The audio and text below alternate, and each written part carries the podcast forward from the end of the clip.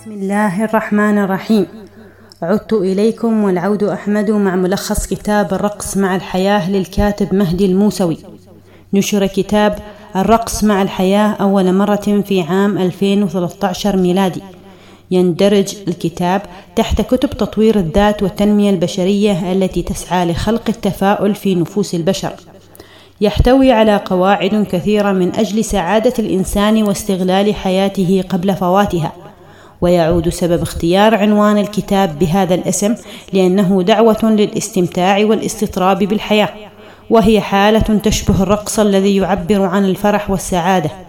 يبلغ عدد صفحات الكتاب 218 صفحة.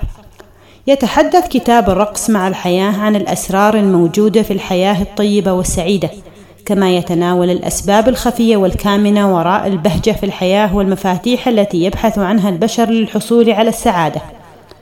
ويلخص الكاتب الفكرة العامة للكتاب بمقولة مشهورة من كتابه وضعها تحت العنوان على الغلاف الخارجي طلبت من الله كل شيء لأستمتع بالحياة فأهداني الله الحياة لأستمتع بكل شيء. وبناء على ذلك فهي دعوة لجميع البشر من أجل التخلص من الأحزان التي تثقل قلوبهم وتأكل أرواحهم. وللغوص في بحور الحياة الزاخرة واكتشاف الكنوز والأسرار التي تختزنها. والتقاط ما يجعل الإنسان سعيدا مبتهجا تضج أيامه بالحياة التي يحق له الاستمتاع بها كما هي.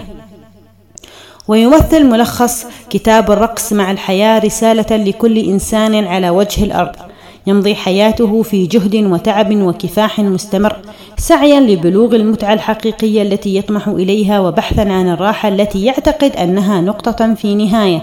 ذلك التعب والجهد ولكن الزمن يمضي وقطار الحياة أسرع مما يظن المرء. وتوشك مسيرته على الانتهاء.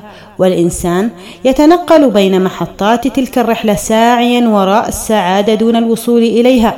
غير أن المغزى من وراء ذلك أن القطار أي الحياة نفسها هي السعادة الحقيقية التي يجب على الإنسان أن يستغل كل لحظة منها للشعور بالمتعة والسعادة الحقيقية.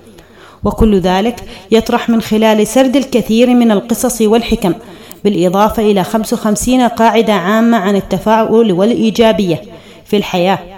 تقييم الكتاب رقص مع الحياة. لماذا ينتقد البعض كتاب الرقص مع الحياة رغم أن البعض يرى في كتاب الرقص مع الحياة حكمة عظيمة مسكوبة بأسلوب يعتمد البساطة وينطوي على جمال كبير؟ وأنه يؤثر إلى حد بعيد في نفوس الكثير من الناس ويزرع فيهم الشعور بالإيجابية والتفاؤل. إلا أن الكثيرين أيضا انتقدوا الكتاب بشدة لأنهم يعتقدون أنه مثل كثيرا من كتب التنمية البشرية وتطوير الذات التي تشير إلى الأمور بعيدا عن الواقع ولا تمت له بأية صلة. وتنسج ما فيه على الوهم الجميل والأمل المخدر الذي لا يرتكز إلى أساس واقعي. بالإضافة إلى وجود تكرار لكثير من الأفكار فيه بصياغة مختلفة ويقوم على المبالغة في الطرح والوهم المصبوغ فيه والاستشهاد بقصص لا أصل لها وبأقوال الفلاسفة والكهان وغيرهم. شاكر لكم حسن استماعكم.